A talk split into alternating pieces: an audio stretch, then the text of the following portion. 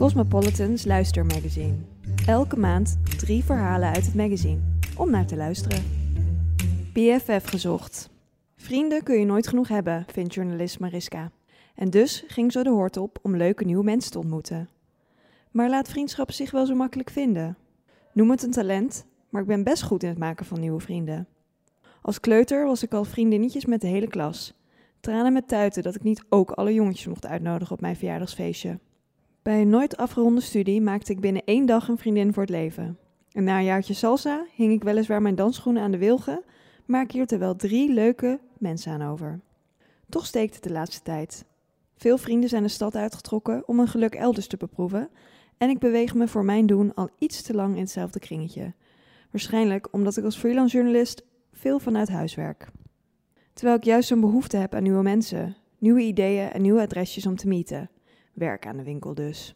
Een beetje ongemakkelijk voel ik me wel als ik inlog op de cute vormgegeven vriendschapsapp Hey Vina, where women meet new friends.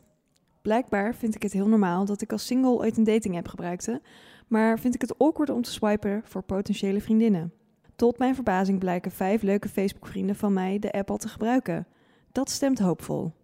Eerst doe ik snel een persoonlijkheidstestje. Ben ik eerder de maan of de zon? Hou ik van wijn of koffie? Both, natuurlijk. Ben ik van plannen of spontaan afspreken? Daarna kies ik bij welke community ik wil horen. Ik ga onder andere voor artists en designers, dancing queens, foodies, happy hour, jetsetters, lit lovers, single ladies en yogis. De opties lijken eindeloos. Je kunt zelfs kiezen voor cancer survivor, engaged of Mary Janes, met illustratie van een hashplantje. En dan begint het swipen. Het verbaast me hoe snel, veel sneller dan op een dating-app, ik weet of iemand bij mij past of niet. Gebaseerd op een Facebook-profielfoto en een kort tekstje weet ik meteen: te saai, te zweverig, te jong, woont ver weg.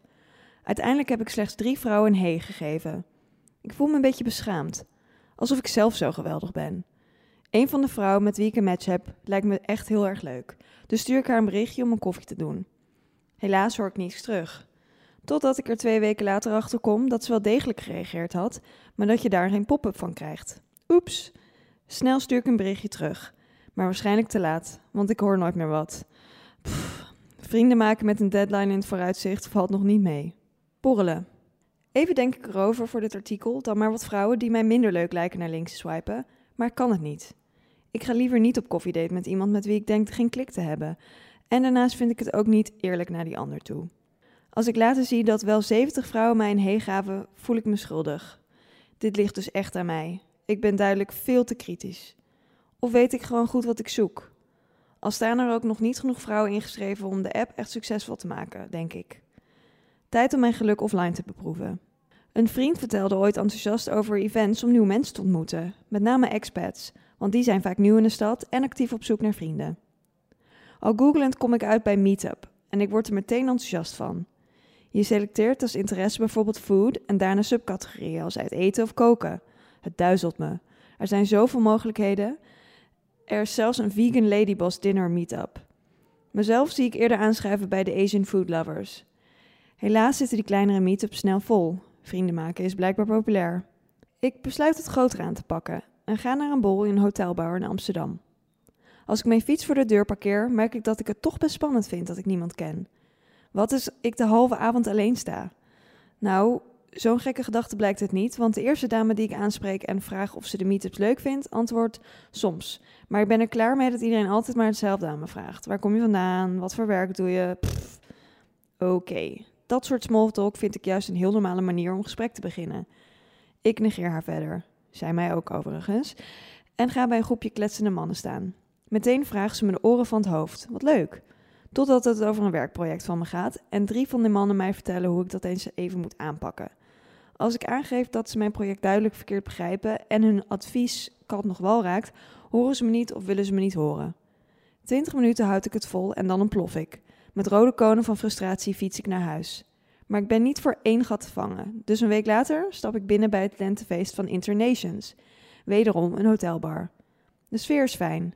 Er wordt gebold, gedanst en oké, geflirt. Ik merk dat het op zo'n feestje veel lastiger is met vrouwen in contact te komen. Het voelt veel natuurlijker om door een man aangesproken te worden of een man aan te spreken dan zomaar bij een groep vrouwen te gaan staan. Gek eigenlijk. Vrienden van vrienden. Ik besluit het wat dichter bij huis te zoeken. Veel vrienden heb ik immers via andere vrienden ontmoet. Na twee vriendinnen gevraagd te hebben of zij nog vrienden hebben die me passen, antwoord nee, heb ik beet. Vriendin Jasmijn weet zeker dat ik het goed met haar vriendin Leontien kan vinden. Ze werkt net als ik in de mediawereld, woont in dezelfde stadsdeel en ik heb met Leontien toevallig nog een vriendin gemeen. Dat moet iets betekenen, toch? Ik heb Leontien jaren geleden op de bruiloft van Jasmijn wel eens gesproken, maar daarna nooit meer. Ik merk dat het toch wat vreemd voelt om haar na vier jaar out of the blue te appen of ze een drankje wil doen. Gelukkig schiet Jasmijn te hulp en stelt ze voor met z'n drieën wat te gaan drinken. Strak plan. Maar dan moet Jasmijn onverwachts afzeggen. Leontien en ik spreken even goed samen af en raken niet uitgepraat. Als we drie drankjes later afscheid nemen, spreken we af met z'n tweeën eens naar een festival te gaan en nodigt ze me uit bij haar op het freelance kantoor te komen werken. Dit zou wel eens een vriendschap kunnen opleveren. Gemotiveerd door deze ervaring besluit ik dit nog eens dunnetjes over te doen. Via Instagram stuur ik een coole chick die ik laatst op een redactie ontmoette een berichtje of ze het leuk vindt om een keer met mij te stappen. Met wat vrienden van haar bij. Als ik de volgende dag geen reactie heb, bedenk ik opeens hoe weird dit eigenlijk is. Zij kent mij amper en ik vraag haar niet alleen of ze met mij wil afspreken, maar ook of ze meteen haar eigen vrienden wil meenemen. Met het schaamrood op de kaken zie ik haar een paar dagen later op een redactie. Maar tot mijn verbazing begint ze er enthousiast zelf over. Ik kan wel mee naar een jazzavond met haar en haar vriendinnen. Yes, dit via via gebeuren werkt. Good old friends. Omdat ik inmiddels inzie dat ik het vooral moet hebben van de mensen met wie ik al een klik heb, kijk ik eens naar de contactenlijst in mijn telefoon. Als ik jaar geleden met iemand een klik had, zal dat nu toch steeds zo zijn? Ik zie tussen mijn contacten inderdaad aardig wat leuke meiden staan die ik zonder duidelijke reden uit het oog verloren ben. Voordat ik iemand kan appen om eens af te spreken, krijg ik zelf een berichtje van iemand die ik al jaren niet meer heb gezien. Nou ja, zeg, toeval bestaat niet.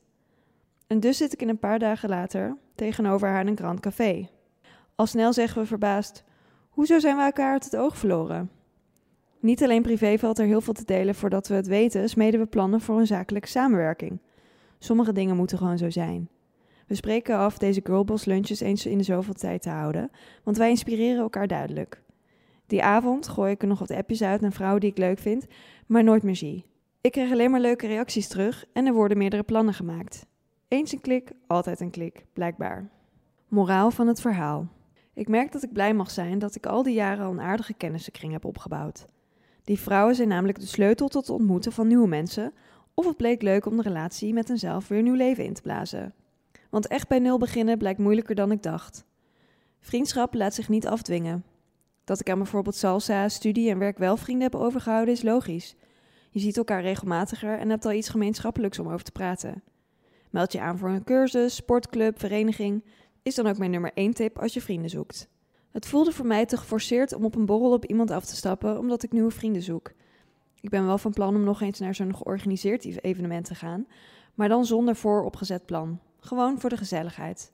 Als je wat minder kritisch bent dan ik, zou een vriendschapsapp ook best kunnen werken. Volgens de laatste cijfers heb je 25% kans op een relatie via Tinder. Wie zegt dat de kans dan net niet zo groot is om vrienden te vinden via een vriendschapsapp? Plus, voor wie in real life niet zo makkelijk contact maakt met anderen, is zo'n app een veilige optie om mee te beginnen. Maar zelf laat ik het toch liever wat meer op zijn beloop. Vriendschap lijkt voor mij toch iets te zijn wat spontaan ontstaat. Al is er natuurlijk niks mis mee om het lot een zetje in de goede richting te geven door bijvoorbeeld je vrienden te vragen om eens met een groepje te gaan stappen. Meer van Cosmo luisteren? Check ook onze podcast. In onze podcast Weet ik Veel gaan Cosmopolitan Josephine en Esther op zoek naar antwoorden op al jouw Weet ik Veel vragen.